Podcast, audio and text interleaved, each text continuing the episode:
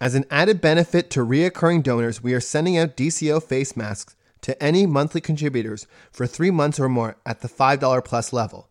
Please send your size preference, either large or youth or small size, along with membership email and mailing address to info at dcontario.org. And you can check out what they look like in the show notes. This podcast was specifically created for Distress and Crisis Ontario organizations and their volunteer responders to provide training and educational assistance on a variety of topics. As information evolves and changes, these podcasts are meant to offer ongoing support with the goal of updating them on an ongoing basis. We thank the volunteer responders and the contributors to this podcast. Please visit our website, dcontario.org, for more information and how to access free mental health services. Thank you.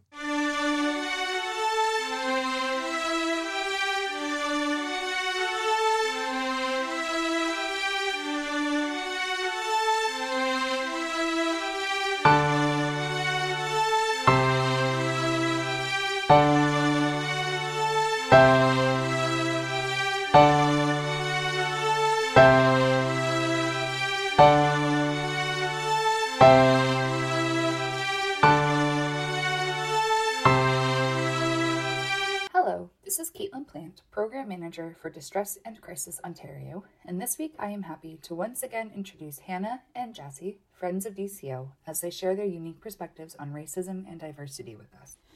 If you have not listened to their previous podcast, Jazzy's Story, which we released on June 28, 2021, I would highly recommend you do so to gain some added context to the conversation they have today. You can absolutely listen to this one first and then go back to the first one to learn more, or go and listen to it now and then come back here. Either way, I hope that you enjoy listening to Hannah and her gran as they discuss these challenging topics together. Good morning. My name is Hannah. I'm a friend of Distress and Crisis Ontario. And this morning I have the honor and privilege of sitting down to have a conversation with my gran, whose name is Jassy Narayan. Today we've been invited by Distress and Crisis Ontario to share our insights on the topics of racism and diversity. So, to begin, maybe we should both share a bit about ourselves and the perspectives we bring to this conversation. So, Gran, what is, tell me about your perspective in this conversation about racism. and maybe a bit about your, your identity, kind of. Well, first, I'd like to say that as a person who emigrated to Canada when your mother was 15 months old and her sisters were two or three and five, I have come to accept I have multiple identities. Yeah. My identity in Guyana was shaped by the whole process of decolonization. The country, as I was growing up, I, I was born the year the World War was declared in 1938. And by the middle of the 1940s,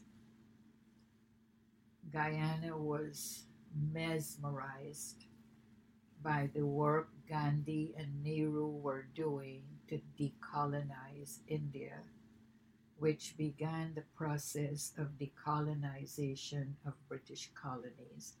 So I grew up in that kind of a milieu. In the house I grew up in, a very um, well to do house of my aunt and my uncle and their adult children, there was a little magazine in the house called Young India. I could have been 10. And I learned the word seditious, sedition, when I was little because the conversation in the house was this magazine was smuggled into Guyana illegally, and anybody with the magazine could be in trouble. So I had this vision of somebody coming to do harm with this. But what later on, by uh, age 15, 16, I was well into what was going on in the colonization. So that's an identity that shaped my my growing up. It wasn't that the World War had ended, it was that India was going to take apart an empire. Yeah, that's a pretty significant Huge, identity. huge identity. And Churchill was not a hero of the process. Right. Absolutely. Yeah. Hero wanted to know why this upstart little man, I forgot what he called Gandhi, a half naked fakir. A fakir is a madman, I think. Right. Um, how dare he say that in, in, India should be independent, that India would be nothing without Britain. Mhm. So that's my child, that's my adolescence. And what that identity did is stimulate the love of reading. Mhm. I was reading Decolonization before I was reading 17 magazine on girls' fashion from America. That's a huge identity. How do you find your identity as a racialized person changed once you immigrated to Canada? Well, the immigration itself in 1966, three things I thought I would touch on. We were, we were, the neighborhood had never seen Indians. Right. Yeah, So- my mom always describes growing up around a lot of white neighbors in Kitchener. Lovely people, but all white. So what they, we were approved. We had a Right. high approval rating. Right. The kids were stunningly beautiful. Yeah. Your grandfather dressed like a magazine from Italy, and I was an out outgoing person. I was mm-hmm. the one knocked on doors and said stuff.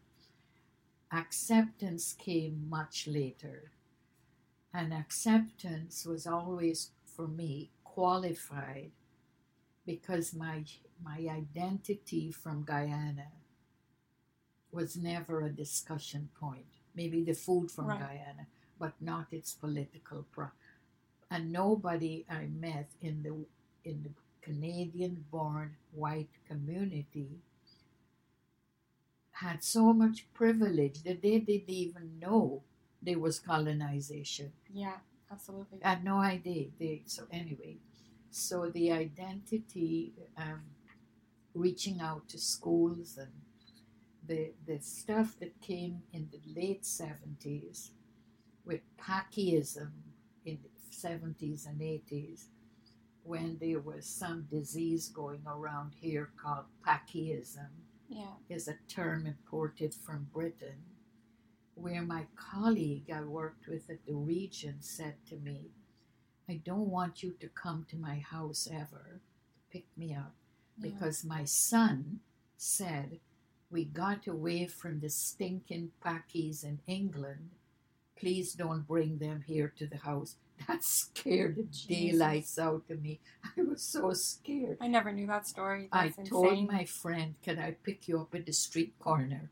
Because you you, you you imagine a racist person harming you, right? That's a living image for racialized people. Yeah. So she was very lovely, kind. We worked together, but that the Packyism was so strange because I would be driving down and somebody would hold their nose, and the holding the nose was about smelling stinking spices from Pakis. Oh my goodness. That was that was a done thing, but anyway, that did not deter friends, people making friends with me, or my what do you call that? My motivation to outreach and be socially competent. So we, I always said we were approved, we were a wonderful curiosity, Mm-hmm. and we were the stage of being exotic. Have you met that Indian That word family? exotic. Yeah. Right.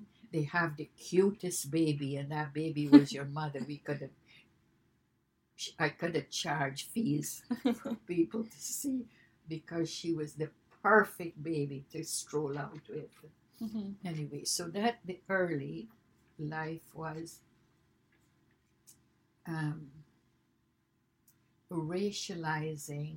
The, it, it, it's the bulk of visible minority immigrants came later in the 80s and 90s. Yeah, for sure. So I went through the stages. There was a school teacher that put masking tape over your Aunt Devika's mouth because Wow. she loved to talk and raise her hand. She had answers for things. And the the the other thing, the public health nurse in the 60s who was coming to look at visible minority. This was before the influx to search the head of little children to see if they had lice. Yeah. So my daughter Sabrina had a braid right down to her bum, and the nurse came, took the braid apart. I thought this is a strange custom that a nurse comes anyway. So those were how this cultural collision was beginning. Yeah. That really became stuff in by the nineties and Yeah. I I grew up in such a different Canada, I think, than my mom and my aunts grew up in. Just to share, I guess, a bit of perspective about where I'm coming from. I'm 21 years old. I'm a Canadian born Canadian citizen. I've always identified as being biracial because my mom, who's my grand's daughter, she's brown Canadian with these Indo Caribbean roots, and my my dad is a white Canadian, and his roots, ancestral roots, are in Great Britain. So I, I look very racially ambiguous because I have this kind of caramel colored skin and brown hair and brown eyes, and a lot of the time people see me and they don't know what to do with me. They some of the more outgoing people, they'll look at me and they'll start guessing ethnicities, right? They'll say, "Oh, are you Italian?" or they'll start speaking Spanish to me, and I haven't decided yet whether I think it's whether I like it or not when people guess, but sometimes people don't guess. They just sort of see me and they make they make decisions in their head about where I fall on the racial spectrum.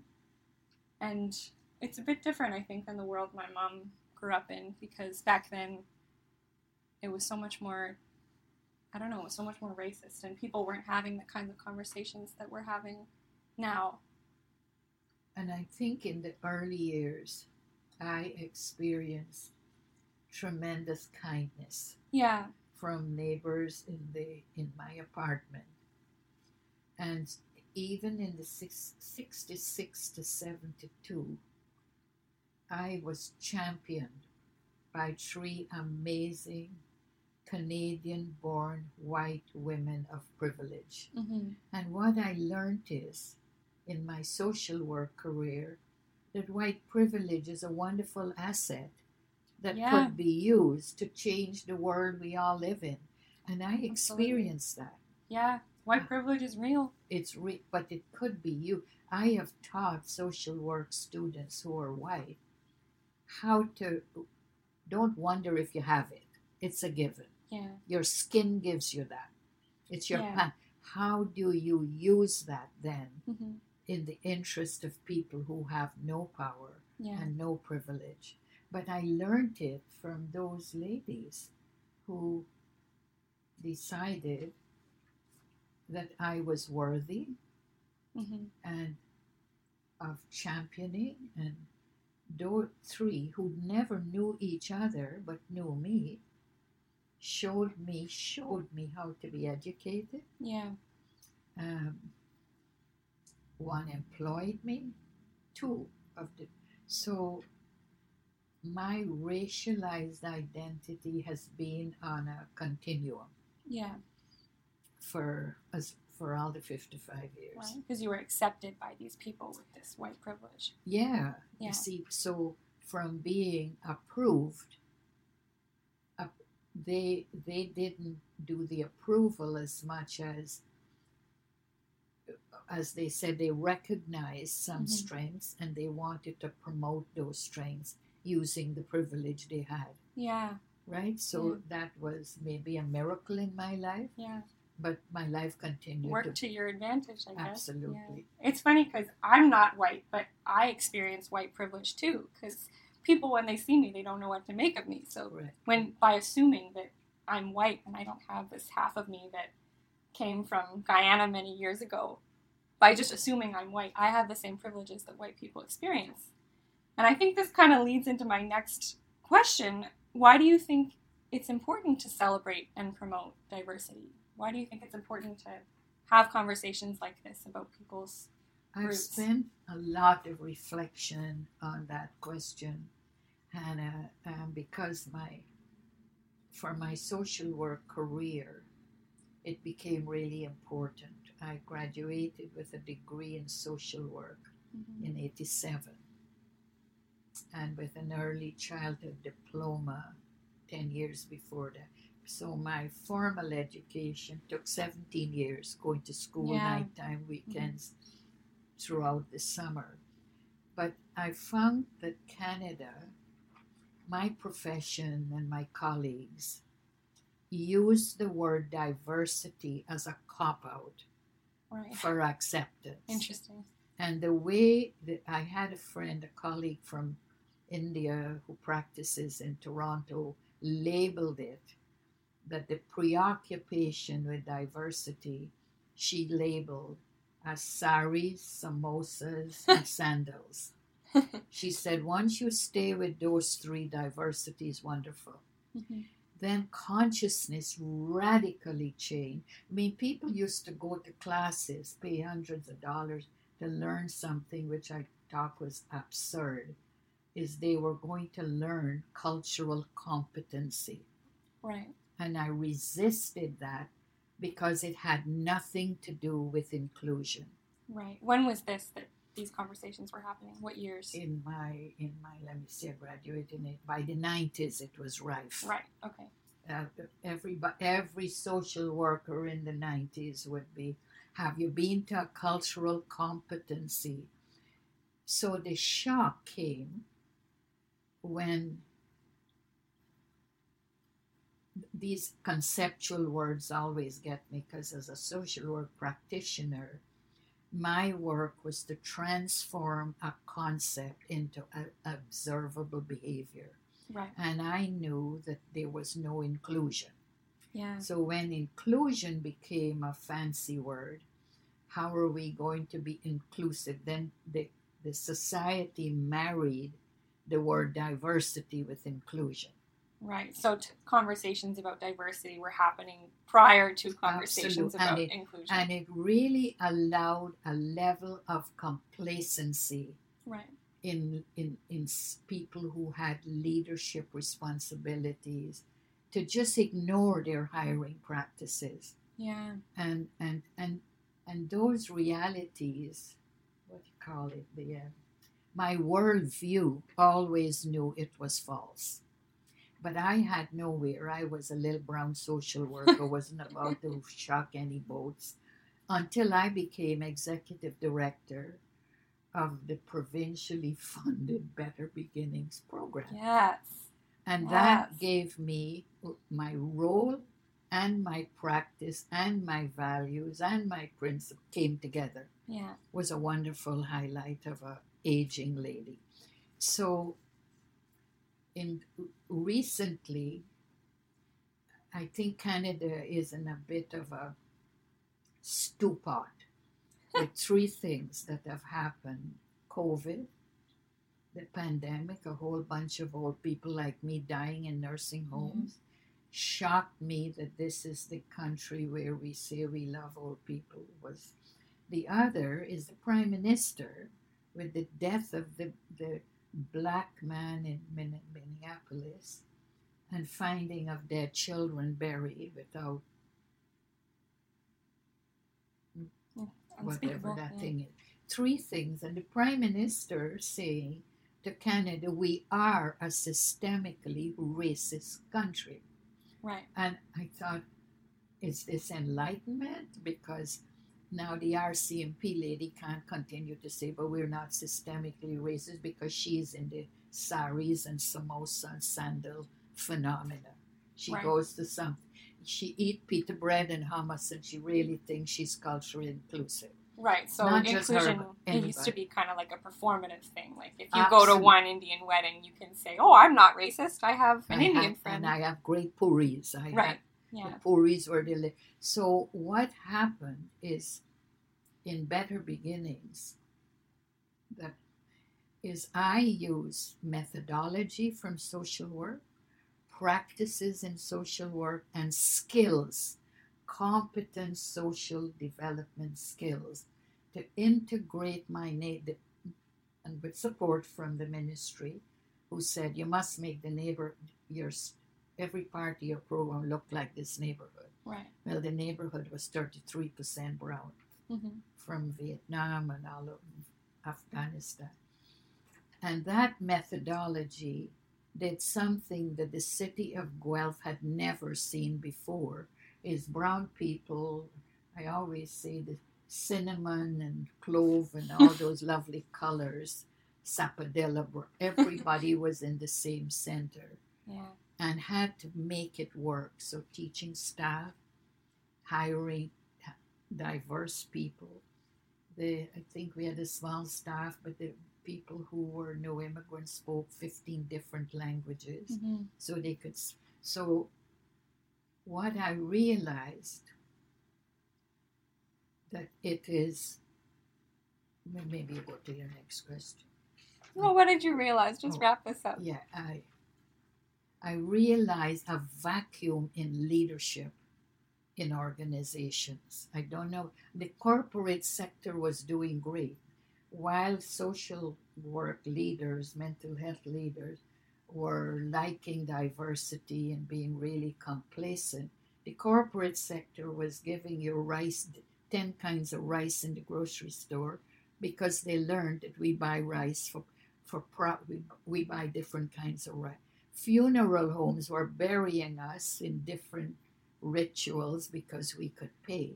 Right. But it was the social, educational, and mental health network that remained complacent. Right. I I think kind of what I'm understanding is like it, it was profitable to not be racist and to be inclusive. Like Right. ca- like corporations could make money off of selling Right. all these kinds of rice, but when it came right down to educating people in school about how important it is to promote inclusion and be actively anti-racist, that was not happening. No, and I, I called it, you know, people would say it's frontline workers. First, I hate the word frontline because it's a military term. That's true. the soldiers true. you kill first. So I never, I called my colleagues direct service worker because the language of social work is quite militant. Yeah. It is very militant. We borrow the words of care from the army. Yeah. Um, so the leadership, the people in leadership roles, right into my time into Better Beginnings, were still complacent. Yeah. Inclusion has to be measurable Mhm. and observable.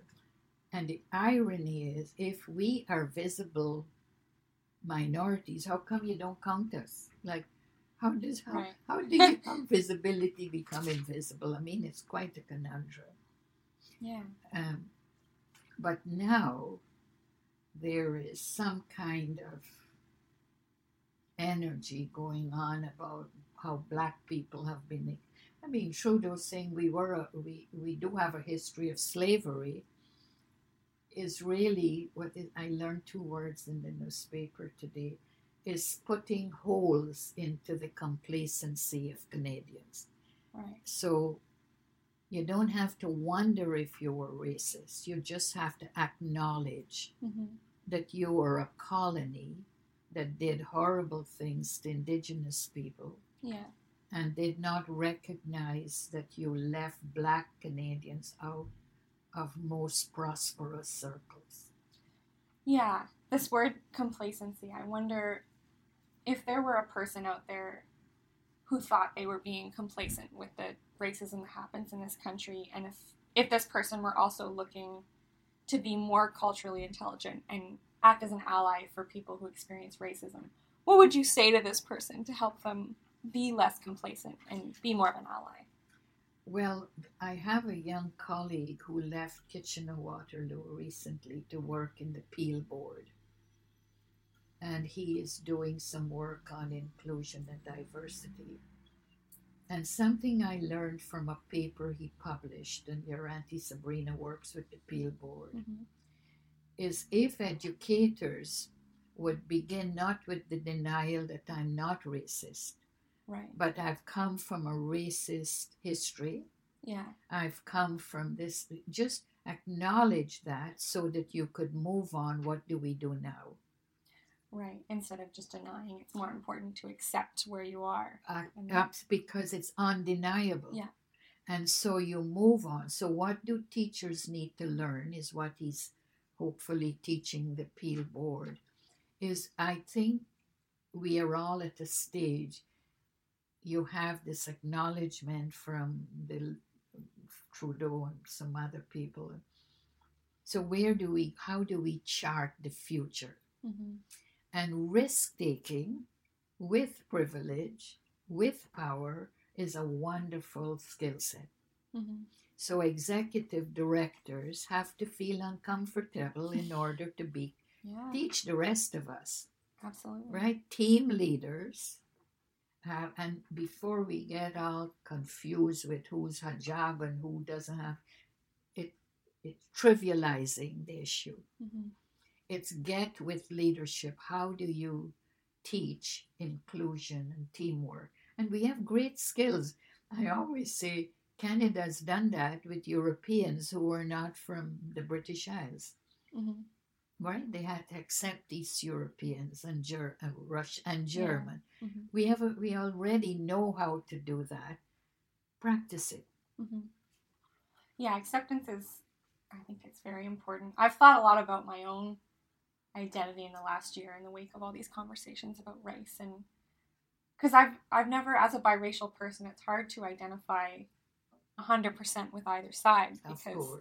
I I mean it's not like I experience 50% of what my mom experiences Right, and right. 50% of what my dad experiences as a white man.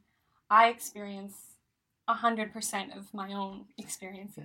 Yeah, and that makes your you unique Yeah. because neither parent has your experience. Yeah, and I, I think I grew up with that misconception that they do. Like, my dad would understand half my experience, but it, it's not half because I have my own unique experiences. I go out and ask, get asked if I speak Spanish, or, Yeah, yeah. and my neither of my parents has that happen Right. to them. But you also had to chart a place for yourself in the society, Yeah. Right? As a student, and we could learn. You know, there are people who say, "How do you interrupt a conversation that always saying where are you from?" hmm you could say you're we're you're Canadian hmm of um, culturally diverse heritage. Yeah. It goes back to the multiple identities thing. Ex- and Yeah. it goes back to context. hmm Context is important. In which context hmm do you get at? You know, like one of my, I do a lot of talking to white students about their discomfort. hmm and how they feel about um, where they are in their so, so one young student said i really want to understand the hijab Right. right and i said well i'll advise you don't ask anybody in a grocery store it's likely to miss to misfire misconstrued. Yeah. pick your context you have to know somebody you know as well as you know Right. me yeah. and then you you say to somebody with respect that i would love to learn more and i said hijabs vary across Yeah. the world hmm no two are alike well maybe two are alike but there are ways to be respectful Yeah. in what we want to learn mm-hmm. and we and invasive won't work Yeah, there's definitely a difference between having a respectful conversation with someone about like ethnic background, but also having an invasive and inappropriate conversation. right so then i say be smart to context right. That's Social work yeah. prepares you with a range of communication tools. Learn when to use them Mhm, and how, and find s- sympathetic teachers mhm. to guide you, you Yeah. know. And if you make a mistake, the world doesn't end. No, I, yeah. I had a friend or a colleague, and a Muslim man refused to hire, shake her hand Mhm. and she was devastated. And I said to her, You're devastated because one person didn't shake your hand? Get real, right? Maybe you all learn to say namaste, put your hands together. And so don't be devastated by because that's how privilege works. yeah, It says everything should meet your your standard. And, right. But I, said to her, Don't worry over it. It's just one person. Yeah, I think going in with an attitude of respect towards people of backgrounds you don't understand is so important. Exactly. And and ask, you know, Yeah, in this multicultural society, there are people you could ask about norms and rituals and stuff. and that's okay. I think. Like, I don't, I don't really mind being asked. Like even when like I, I think it's kind of funny when people funny and also kind of inappropriate when people ask me if I'm Italian or Spanish, but I do appreciate their curiosity because Yeah. then I can tell them, "Ah, well, actually, I'm half Indo-Guyanese and half, you know, British way back, and and I'd rather have that conversation than and have them be curious than have them say something And context again. Yeah, You will know if the context is hostile or if it's yeah. friendly. I'm I'm very lucky in my upbringing. I don't think I've ever experienced blatant racism, but that's not been my mom's experience. I know that's not Right. been your experience or Right. granddad's experience. So I do wonder, um, maybe just to wrap things up, if there were a person who had experienced racism, what would you suggest as a support to this person? Well, because of my social work skills, Yeah. I face that. I Amos Savin, my piece of Amos Savin, now I describe as a Canadian village. I live in a village that's multiple race, multiple ethnicities, and people from. So, people talk to me about this. Mhm. The first thing I would say I want to understand is everybody in your family safe. Okay. yeah. Safety is important. It, does a person feel somebody will burn their house down or attack them or Yeah. their mosque or do you feel safe? Yeah. And the other thing is what what is this issue? I have a very broad network. If somebody I learned in from a mentor there if a person is threatened life is threatened you need the police Yeah. if somebody's wi- wi- wife tells me she's beaten up, she needs a shelter. hmm And if you are very sick, you need a hospital. Yeah. That's part of helping people get what. And other than that, you could call somebody in the network, whether it's the the working center is a wonderful place Yeah. to say to somebody, I know the manager at the working center. I want you to go and they will help you with this problem. Yeah. They or the multicultural center or the Yeah. reception house. Those Yeah. are activists, people who work on these issues daily. So I never feel helpless. Yeah, because you there are lots of supports available that you've been able to identify. Right, right. Somebody feels a professor did this, then you call somebody head of the department to say, Yeah. could you please meet with this person? There's a story here I think you could listen to to be helpful. Yeah. I think this goes back to what we were talking about in the last podcast we recorded when you said there's always someone to help. Absolutely. Yeah. That's my belief. And so I can't, I control the request, I don't control the answer. Right. So is asking me for something. How do I respond? And I'm really well connected. hmm I know that as an eight, going to be 84 year old lady, Yeah. I'm connected in my community. What would you say to someone who's not quite as well connected, who's experienced racism? How do they go about finding those connections? I don't know. I don't know how a person,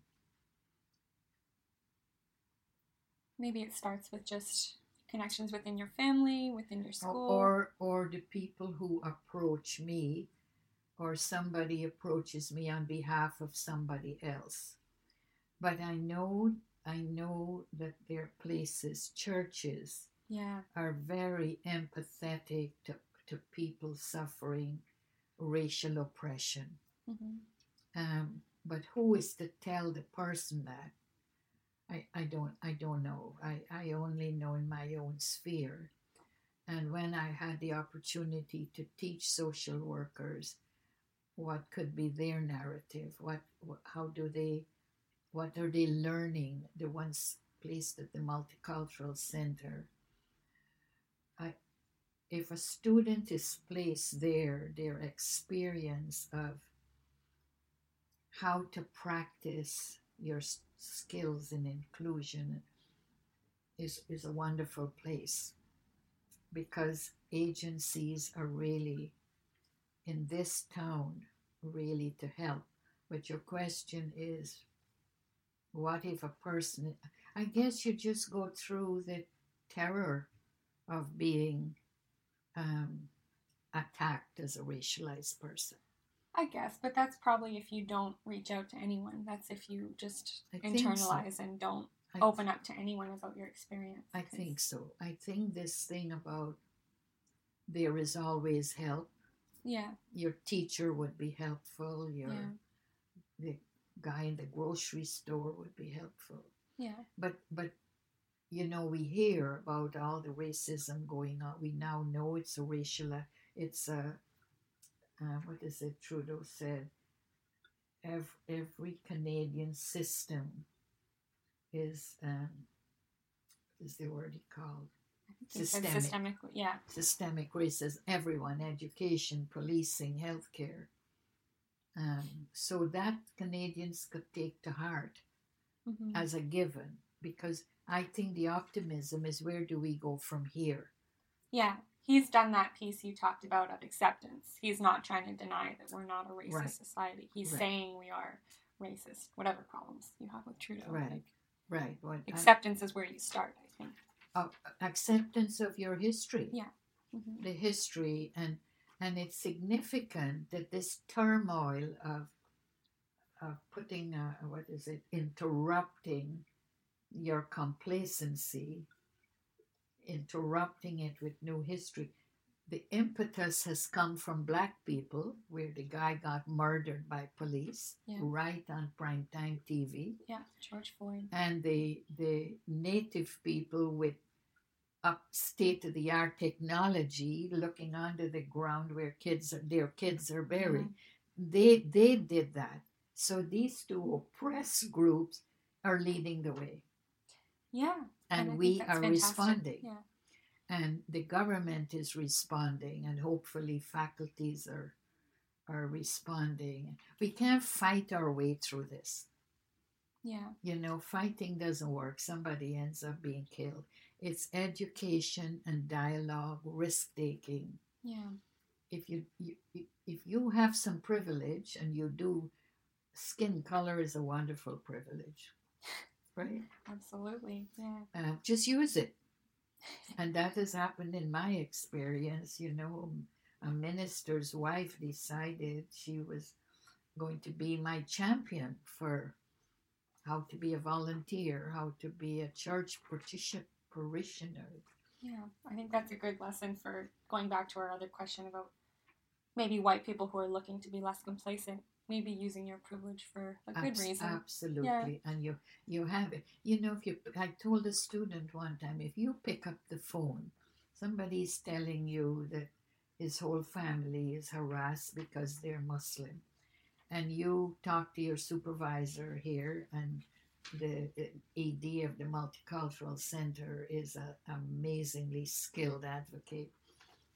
And you take it up. You go to her, and then a phone call and locate yourself, your name. You're a student of this university, and this is what I'm doing here, and this is a situation I'm dealing with, and I'd like this person to come to your office.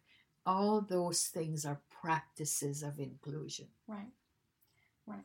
So if you observe racism, you should, you can always take it somewhere, somewhere. further. And I say to students, you can't afford to be helpless. yeah, you, absolutely. you are yeah. the door that this person has hmm and you have the skills. I love to say to social work students, we are the social workers are the best positioned That's true. because we get to learn practices, yeah. hmm right? Get out of your head and stop talking about empowerment. What is until I could observe what you mean, it stays a word in your head. yeah, yeah, absolutely.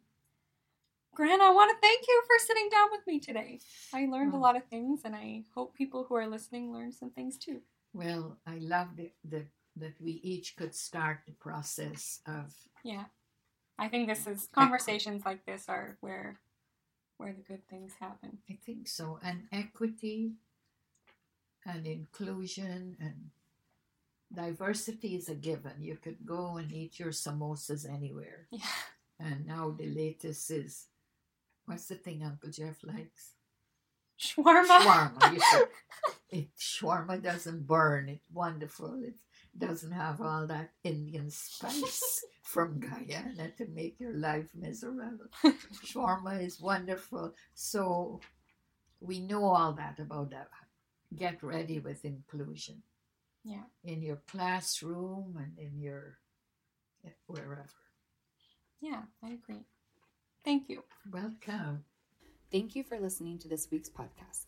Please remember that if you ever need support or would like help finding resources, you can reach out to any of our member centers by finding their contact information on our website at www.dcontario.org forward slash locations, or to access the ONTX text or online chat program any day of the week between the hours of 2 p.m. to 2 a.m., you can text support to 258 258 or click chat now on our website's homepage.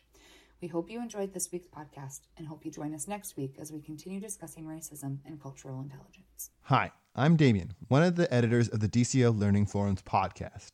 We are committed to providing the most current and up to date information. With your help, we can make it better. Please consider going to tips.pinecast.com slash jar slash distress dash and dash crisis dash ontario.com or by clicking the link in the show notes. And by donating, monthly contributors will be able to access a special podcast feed. In it, we'll have additional content and some more in depth pieces on some of our most popular topics. Thank you.